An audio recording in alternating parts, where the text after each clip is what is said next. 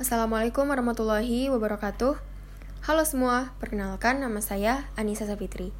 Jadi, pada podcast saya kali ini, saya akan membahas tentang implementasi wawasan Nusantara dalam memecahkan masalah sengketa budaya. Baik, kita langsung saja ke pembahasan ya. Poin yang pertama yaitu kehidupan politik. Pelaksanaan kehidupan politik yang diatur dalam undang-undang seperti Undang-Undang Partai Politik, Undang-Undang Pemilihan Umum, dan Undang-Undang Pemilihan Presiden – Pelaksanaan undang-undang tersebut harus sesuai hukum dan mementingkan persatuan bangsa. Contohnya seperti dalam pemilihan presiden, anggota DPR, dan kepala daerah. Harus menjalankan prinsip demokratis dan keadilan, sehingga tidak menghancurkan persatuan dan kesatuan bangsa. Pelaksanaan kehidupan bermasyarakat dan bernegara harus sesuai dengan hukum yang berlaku. Seluruh bangsa Indonesia harus mempunyai dasar hukum yang sama bagi setiap warga negara tanpa pengecualian. Di Indonesia terdapat banyak produk hukum yang dapat diterbitkan oleh provinsi dan kabupaten dalam bentuk peraturan daerah yang tidak bertentangan dengan hukum yang berlaku secara nasional.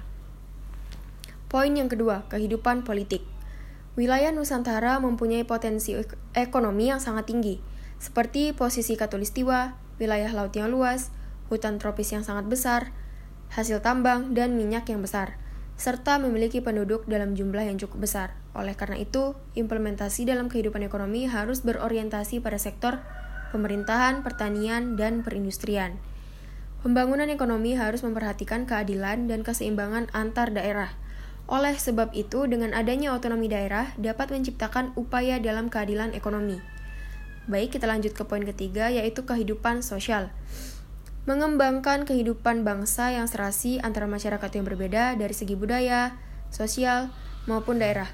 Contohnya dengan pemerataan pendidikan di semua daerah dan program wajib belajar harus diprioritaskan bagi daerah tertinggal.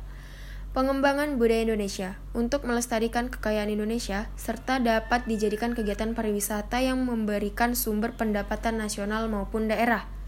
Contohnya dengan pelestarian budaya, pengembangan museum, dan cagar budaya. Poin terakhir yaitu kehidupan pertahanan dan keamanan.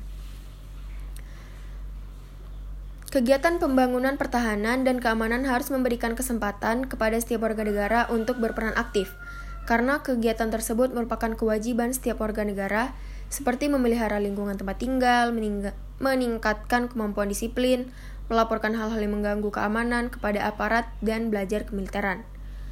Membangun rasa persatuan sehingga ancaman suatu daerah atau pulau juga menjadi ancaman bagi daerah lain.